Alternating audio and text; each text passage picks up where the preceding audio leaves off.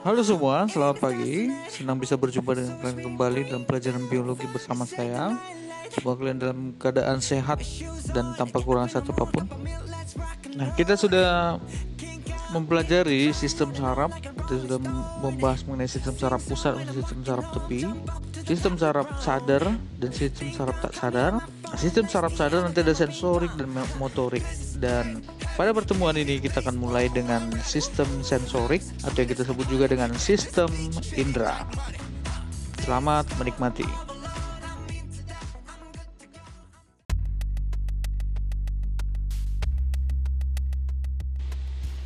Oke, silakan buka slide yang ke-26.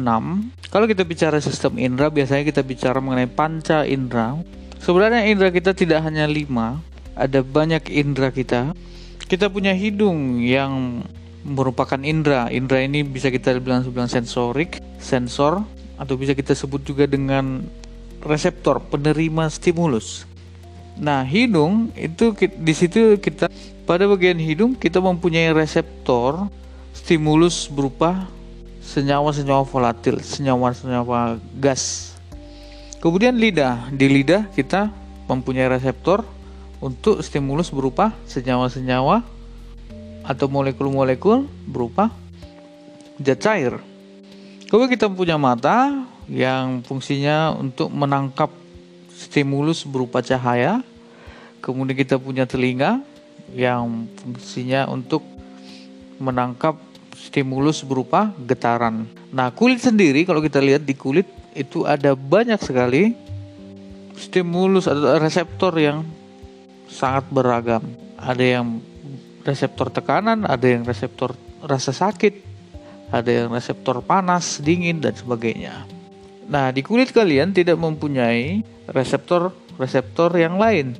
Contohnya reseptor untuk senyawa volatil. Bisa kalian cobakan menyemprotkan menutup hidung, kemudian menyemprotkan parfum di kulit.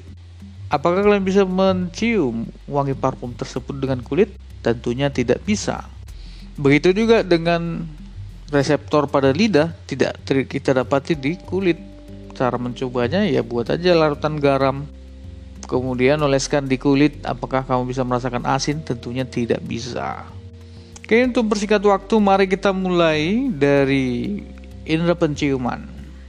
Namun sebelumnya saya tekankan kembali ya bahwa indera ini tidak hanya ada lima indera kita itu ada banyak. Kemarin sudah sudah saya jelaskan ada indera body orientation. Pada burung ada yang ada indera yang bisa merasakan magnet sehingga mereka bisa menggunakan stimulus berupa magnet.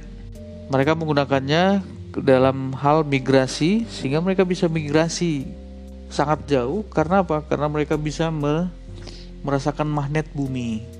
Oke langsung saja kita masuk ke indera yang pertama yaitu indera penciuman. Slide yang ke-27 kita masuk di situ indera penciuman atau indera pembau ya. Nah, di sini ada reseptor di rongga hidung kita itu ada reseptor berupa senyawa kimia. Jadi stimulus yang bisa ditangkap itulah senyawa kimia. Bagaimana caranya? Tentunya senyawa kimia atau di sini disebut sebagai odor molekul. Nah, itu masuk ke dalam rongga hidung kita. Kemudian senyawa-senyawa kimia tersebut akan mengaktifkan reseptor yang sangat spesifik. Jadi untuk satu wangi tertentu, dia bisa mempunyai satu reseptor tertentu. Nah, berbeda dengan lidah, lidah hanya punya lima jenis reseptor. Manis, asam, asin, pahit, dan umami. Jadi kalau kita merasakan masakan itu adalah kombinasi dari kelima itu. Berbeda dengan itu, indera pembau mempunyai banyak jenis reseptor sehingga ada banyak sekali bau-bauan yang bisa kita kita kenali, kita identifikasi. Satu senyawa yang bisa mengaktifkan satu reseptor ini akan menghasilkan uh, apa akan dikirimkan ke bagian otak, kemudian otak yang sudah tersambung ke sistem memori akan menandai wangi tersebut.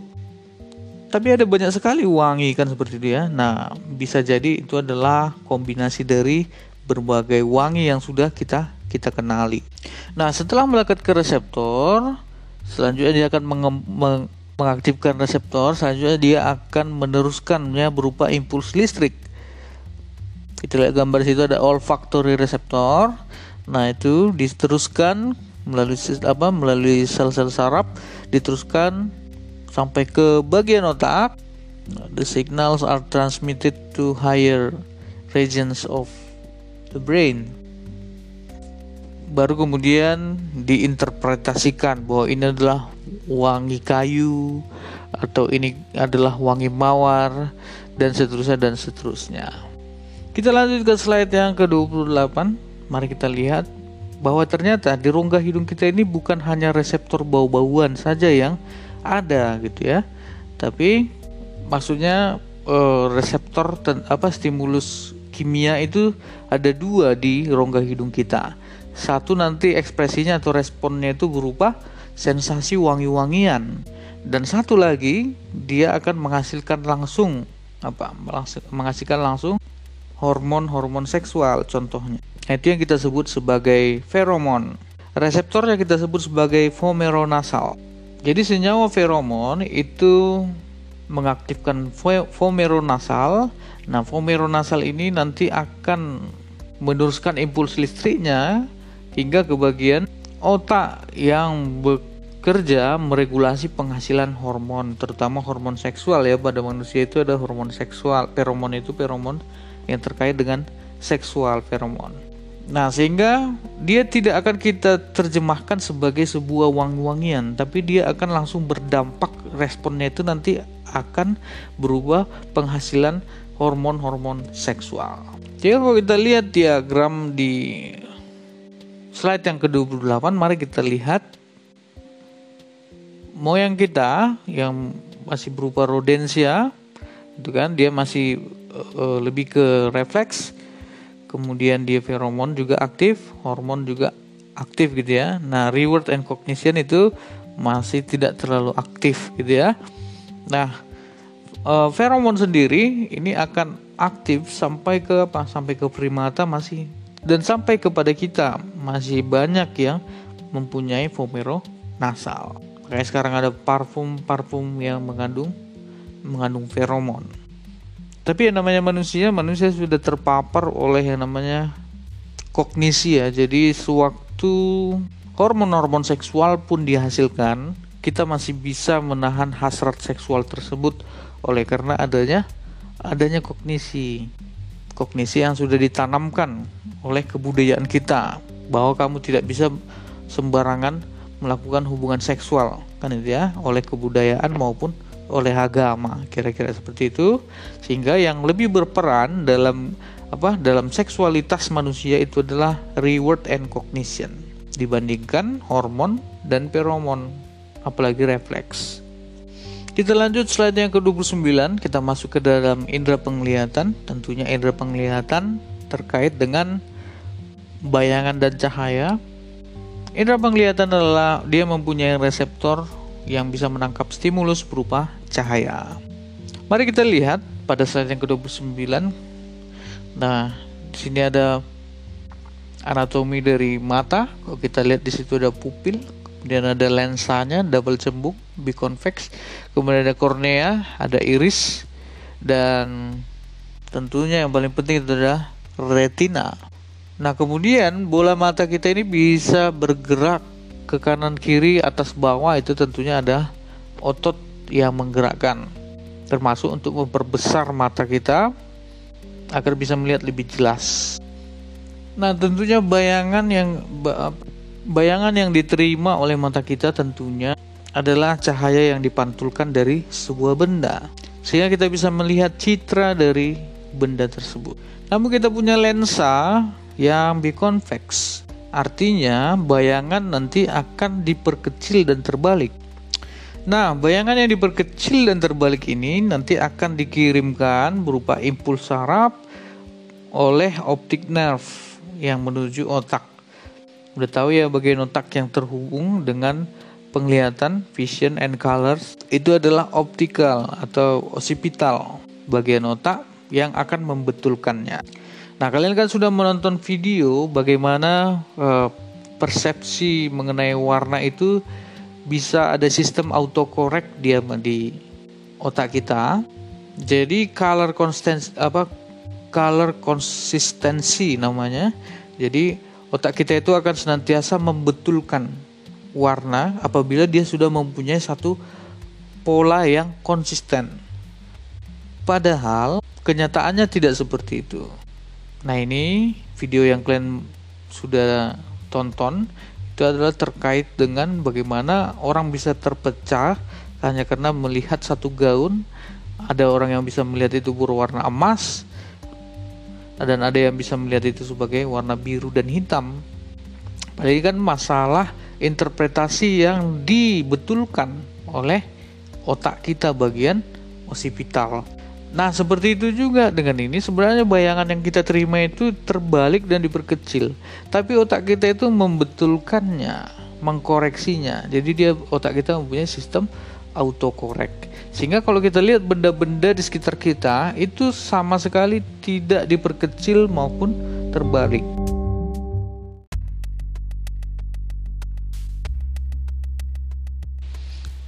Mari kita masuk ke slide yang ke-30, kita masuk ke dalam indera pendengaran. Indera pendengaran tentunya menangkap stimulus berupa getaran. Getaran di lingkungan nanti akan ditangkap oleh aurikel atau daun telinga sehingga strukturnya harus melebar seperti itu. Kemudian getaran yang terperangkap ini selanjutnya akan masuk ke dalam kanal bagian dalam dari telinga Kemudian selanjutnya akan menggetarkan yang namanya membran timpanik. Jadi membran yang tipis dan sangat sensitif terhadap getaran. Sehingga kalau kalian ingin mengkorek telinga kalian itu hati-hati jangan sampai terkena membran timpani. Karena dia sensitif terhadap getaran, Selanjutnya, getaran yang diterimanya akan menggerakkan tiga tulang utama, yaitu malleus, incus, dan stapes. Getaran yang sampai ke stapes ini akan diteruskan ke oval window, lalu diteruskan ke bagian koklea. Di koklea terdapat reseptor getaran. Slide ke-31, dapat kita lihat bahwa getaran tadi itu disampaikan hingga ke koklea. Di koklea nanti ada yang namanya organ korti. Getaran yang diterima tadi ini akan menggetarkan organ korti sehingga menghasilkan impuls listrik. Jadi reseptornya di sini organ korti, kemudian menghasilkan impuls listrik dan impuls listrik tersebut diteruskan ke bagian otak bagian temporal untuk segera diproses. Data yang sudah diproses oleh lobus frontal sorry lobus temporal dari otak tadi ini akan menghasilkan suatu suara tertentu yang bisa kita dengar. Seperti kalian bisa mendengarkan podcast saya ini. Lanjut ke slide 32, kita masuk ke indera peraba. Indera peraba ini termasuk di sini ada berbagai macam jenis saraf. Jadi kulit kita ini terdapat banyak saraf. Ada saraf rasa sakit, ada saraf dingin, panas, ada saraf tekanan besar, tekanan kecil, dan sebagainya. Contohnya pacinian ini adalah saraf untuk tekanan. Kemudian saraf rasa sakit yang hampir tersebar di seluruh kulit di bagian tubuh kita. Ya kalau kita lihat ya berdasarkan perspektif evolusinya, untuk apa sih ada saraf rasa sakit gitu ya? Untuk apa sih Tuhan menciptakan saraf rasa sakit? Bukankah itu merugikan kita? Tentunya itu akan menguntungkan kita. Coba bayangkan kalau tidak ada saraf rasa sakit, maka kamu tidak akan menjauh dari yang namanya bahaya. Kalau tidak ada rasa sakit, maka bisa jadi kamu akan mendekati kematian dan tanpa kau sadari kamu akan mati dengan sendirinya. Tapi dengan ada rasa sakit, maka kita akan menghindar dari penyebab rasa sakit tersebut. Slide ke-33, kita masuk ke indera pengecap. Indera yang fungsinya untuk menangkap sinyal-sinyal kimia berupa cairan. Cairan maupun padatan itu bisa diterima karena padatannya bisa di, dilarutkan. Nah, senyawa kimia cairan ini akan mengaktifkan kuncup pengecap. Nah, ini adalah reseptornya. Reseptornya adalah kuncup pengecap dan kuncup pengecap ini akan menghasilkan impuls listrik dan impuls listriknya akan diteruskan ke bagian otak. Terutama nanti diteruskan melalui saraf kranial nomor pasangan 5 uh, pasangan saraf kranial 5 dan 7 dan 9. Sehingga kita bisa merasakan asin, apakah ini asin, asam, manis, pahit, dan umami. Kombinasi dari sensasi-sensasi inilah yang kita rasakan dari uh, makanan.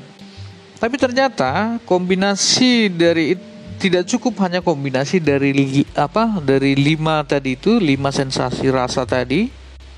Tetapi ketika kita mau makan makanan kita bisa merasakan merica. Itu gimana lagi? Nah ini adalah kombinasi dengan apa kombinasi antara indera pengecap dengan indera pembau. Jadi kita bisa merasakan pedasnya merica tapi wangi merica itu tadi itu tertangkap oleh indera pembau itu kenapa kita akan kehilangan selera makan ketika kita pilek karena yang kita rasakan hanya manis, asam, asin, pahit dan umami saja tanpa ada sensasi aroma. Demikianlah untuk sistem indera. Selain ini ada banyak indera kita lagi yang lainnya. Salah satunya di otak ada indera body orientation ya yang berulang kali sudah saya ceritakan.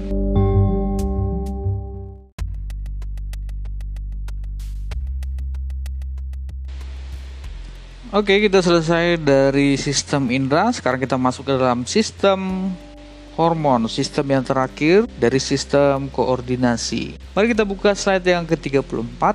Berdasarkan senyawa kimia penyusunnya, maka hormon ini bisa kita bagi atas dua jenis. Ada yang steroid dan ada yang non steroid. Apa gunanya untuk membedakan mereka? Nanti kita lihat kenapa dia harus kita bedakan yang non steroid nanti dia akan terdiri atas ada yang terdiri atas asam amino saja. Contohnya itu ada norepinephrine. Ada yang berupa peptida berarti beberapa asam amino. Kemudian ada yang berupa protein contohnya human growth hormone ya kan? Tentunya kalau protein sudah ada struktur primer tersier sekunder dan seterusnya Nah, mari kita lihat signifikansinya. Kenapa kita harus bedakan dia steroid dengan non-steroid. Nah, yang steroid ini contohnya testosteron dan progesteron. Tentunya akan berdampak kepada mode of actionnya, cara kerja dari hormon tersebut. Nah, slide yang ke-35 kok kita lihat contoh dari epinefrin dan norepinefrin. Mereka bekerjanya kalau kita lihat di reseptornya itu berada di permukaan sel. Kenapa? Karena dia tidak larut di lemak sehingga dia tidak bisa melewati membran sel. Maka dia reseptornya itu uh, untuk hormon-hormon yang non steroid. Nah, reseptornya nanti akan ada di membran sel karena mereka tidak larut di lemak dan tidak bisa melewati membran sel. Slide ke-36. Nah, berbeda dengan itu, kalau yang steroid dia reseptornya nanti akan ada di dalam sel. Kenapa? Karena yang steroid hormon, namanya juga steroid, lemak, dia larut di lemak sehingga dia bisa melewati membran sel sehingga reseptornya nanti akan berada di dalam sel. Nah, cara kerjanya seperti ini ya. Jadi bisa menjadi reseptor bersama-sama dengan uh, hormonnya akan menjadi faktor transkripsi yang mengaktifkan proses sintesis protein. Jadi contohnya kau waktu kecil gitu ya, waktu kecil belum punya jenggot dan kumis. Kenapa? Karena belum aktif gen penghasil rambut di sekitar di sel-sel di sekitar mulutmu. Setelah kamu setelah kelenjar testismu itu menghasilkan testosteron, nah testosteron tersebut akan disebarkan ke seluruh tubuh, tapi tidak semua tubuh yang menanggapi hanya sel-sel bagian tubuh yang mempunyai reseptor untuk steroid lah yang akan menanggapi. Jadi tadinya tidak aktif gen penghasil rambut di sel di sekitar mulutmu sekarang menjadi menjadi aktif sehingga akhirnya pada waktu akil balik kamu di sekitar mulutmu itu akan dihasilkan rambut bukan hanya sekitar mulut ya kan di bagian ketiak di bagian selangkangan juga menghasilkan rambut Begitulah cara kerjanya. Jadi steroid dan non steroid itu akan berbeda dia mode of actionnya. Slide yang ke-37, mari kita lihat. Nah, seperti yang saya katakan di awal bahwa hormon akan dihasilkan oleh yang namanya kelenjar. Kelenjar inilah yang menghasilkan hormon, diedarkan oleh darah ke seluruh tubuh, dan hanya sel-sel yang mempunyai reseptor untuk hormon tersebut lah yang akan menanggapi.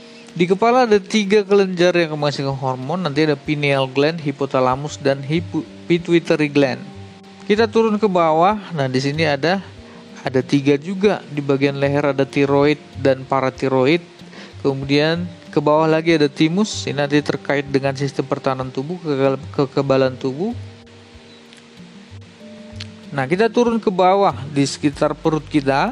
Di situ ada kelenjar adrenal. Ini nanti akan menghasilkan hormon adrenalin.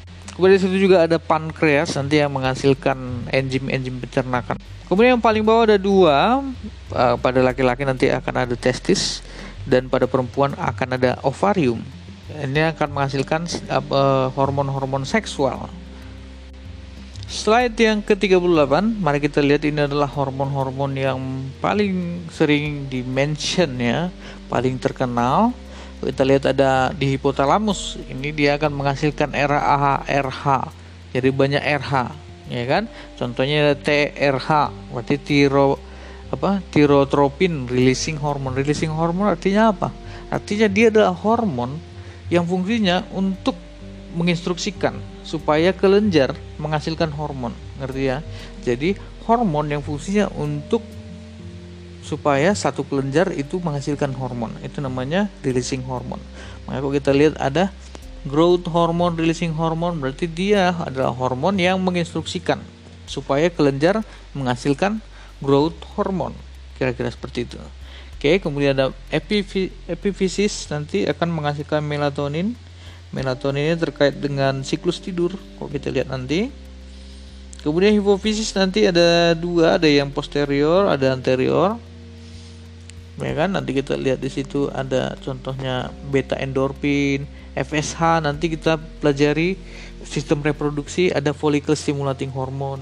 Kemudian ada LH ini juga terkait ini ya terkait dengan reproduksi perempuan ya FSH dan LH nanti siklus menstruasi akan dikendalikan oleh kedua ini kemudian melanosit stimulating hormon penghasil mela melanin Kemudian kita turun di situ ada tiroid dan paratiroid. Nah, dia akan menghasilkan parat hormon kalsitonin yang terkait nanti dia dengan regulasi kalsium dalam tubuh kita.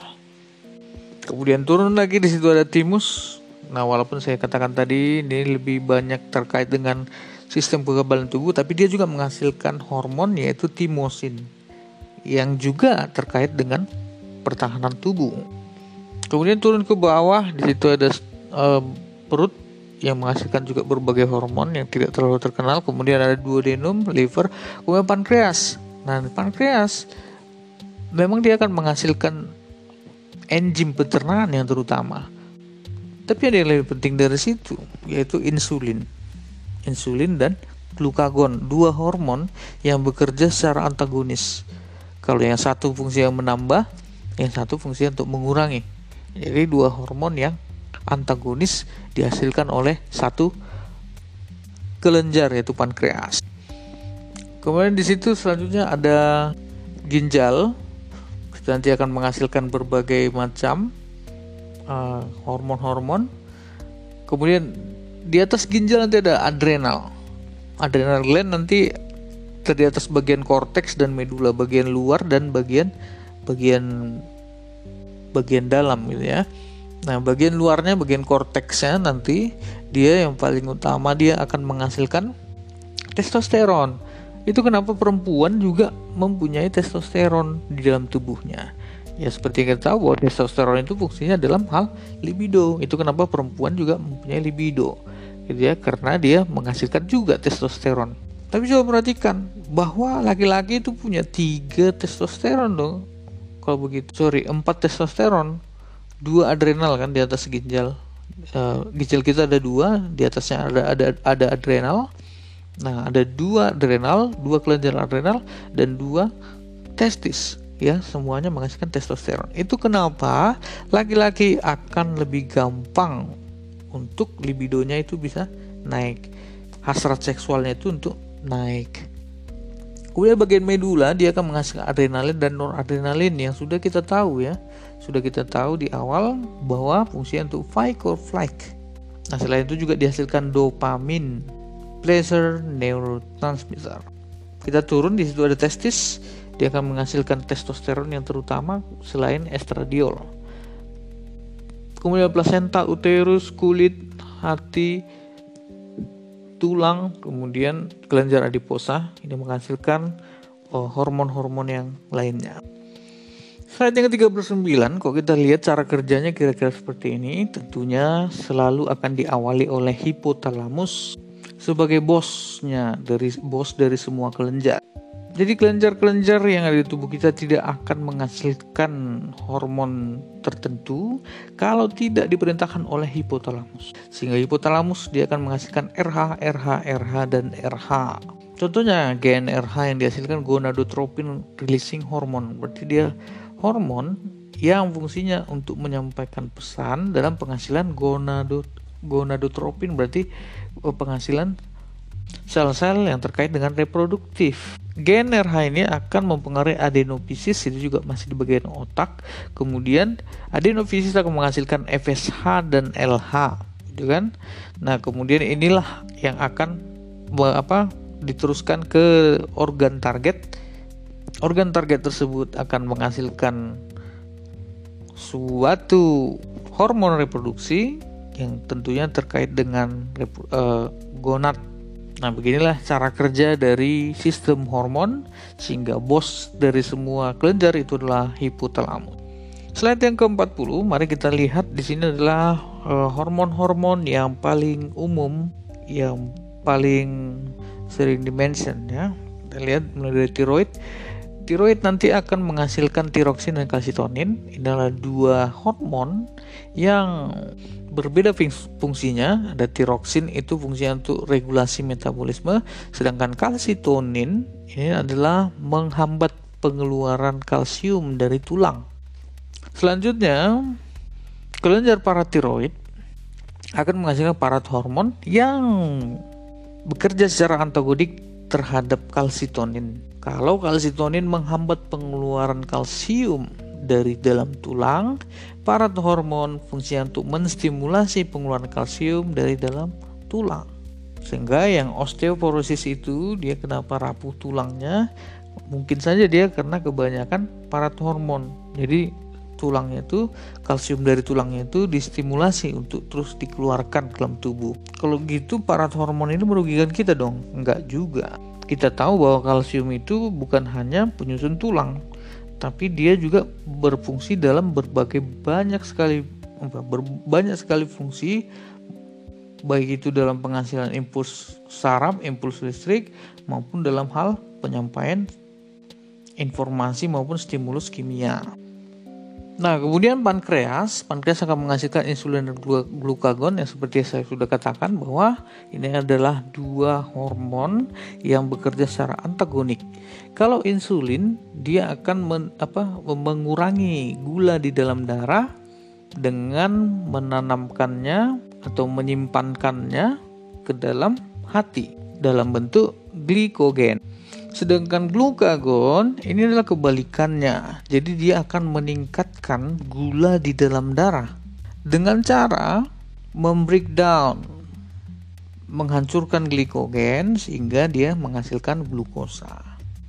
Kelenjar selanjutnya testis menghasilkan testosteron, ini meregulasi pematangan sel sperma, kemudian terkait juga dengan secondary sex karakteristik apa ciri kelamin seks sekunder ya kan? Kalau pada laki-laki itu tumbuhnya bulu jakun kemudian suara semakin memberat. Nah itu adalah ciri seks sekunder. Ciri seks primernya apa?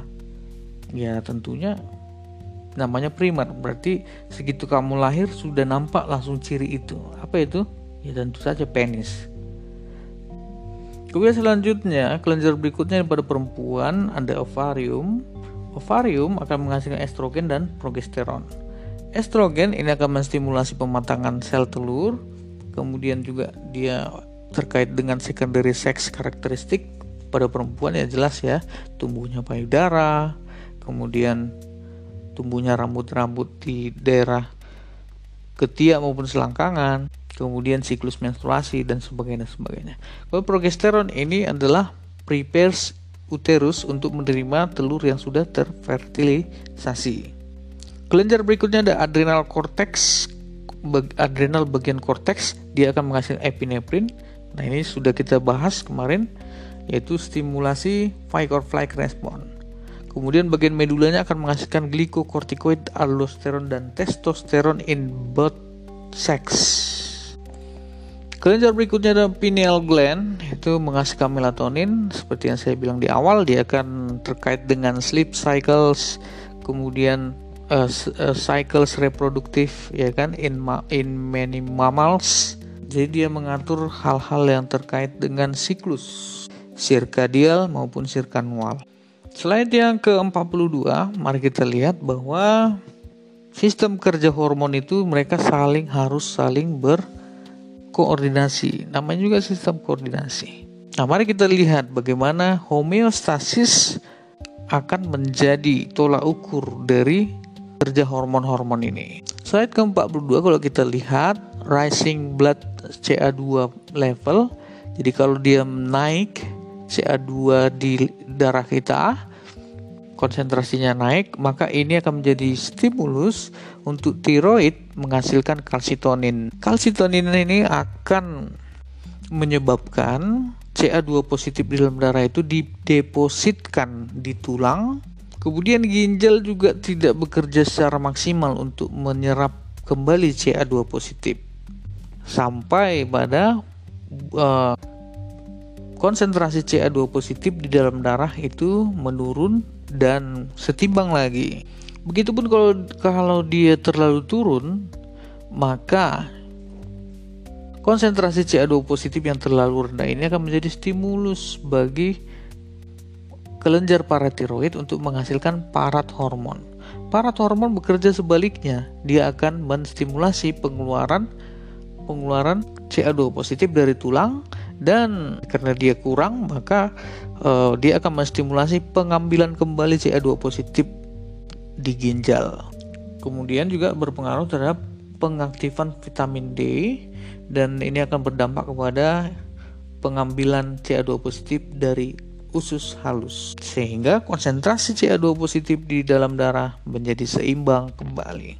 Nah, itu tadi negatif feedback. Ada juga yang namanya positif feedback. Maksudnya gimana? Maksudnya gini. Satu hormon kalau dia sudah dihasilkan dan ditangkap oleh reseptor pada sel tertentu menghasilkan suatu respon yang akan menstimulus penghasilan hormon itu kembali. Inilah yang terjadi dengan yang namanya addiction, kecanduan. Makanya sekarang ada istilah do dopamin detoxification. Dopamin itu memang akan membuat kita merasa senang, tapi itu seperti racun yang menyebabkan kita akan melakukan hal yang sama terus menerus terus menerus. Kalau di awal kita dengan dosis yang rendah, kita akan didorong untuk melakukan dosis yang lebih tinggi.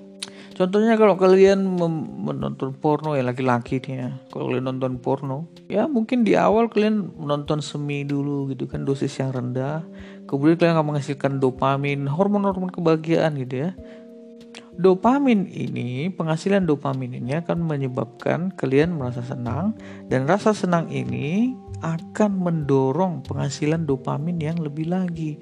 Dengan cara apa? Dengan cara mencoba dosis yang lebih tinggi. Begitu terus menerus sehingga kau mencoba ya dosis yang lebih tinggi dari vi suatu video porno gitu kan. Bahkan yang paling tinggi kamu akan terdorong untuk melakukan kegiatan kegiatan seksual di luar nikah dan itu akan merusak masa depanmu.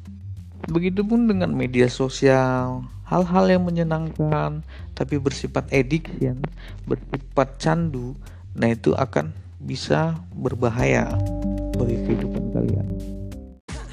Demikianlah pertemuan kita hari ini, semoga bisa bermanfaat. Sampai ketemu pertemuan yang akan datang. Have a nice day dan stay safe. Bye bye.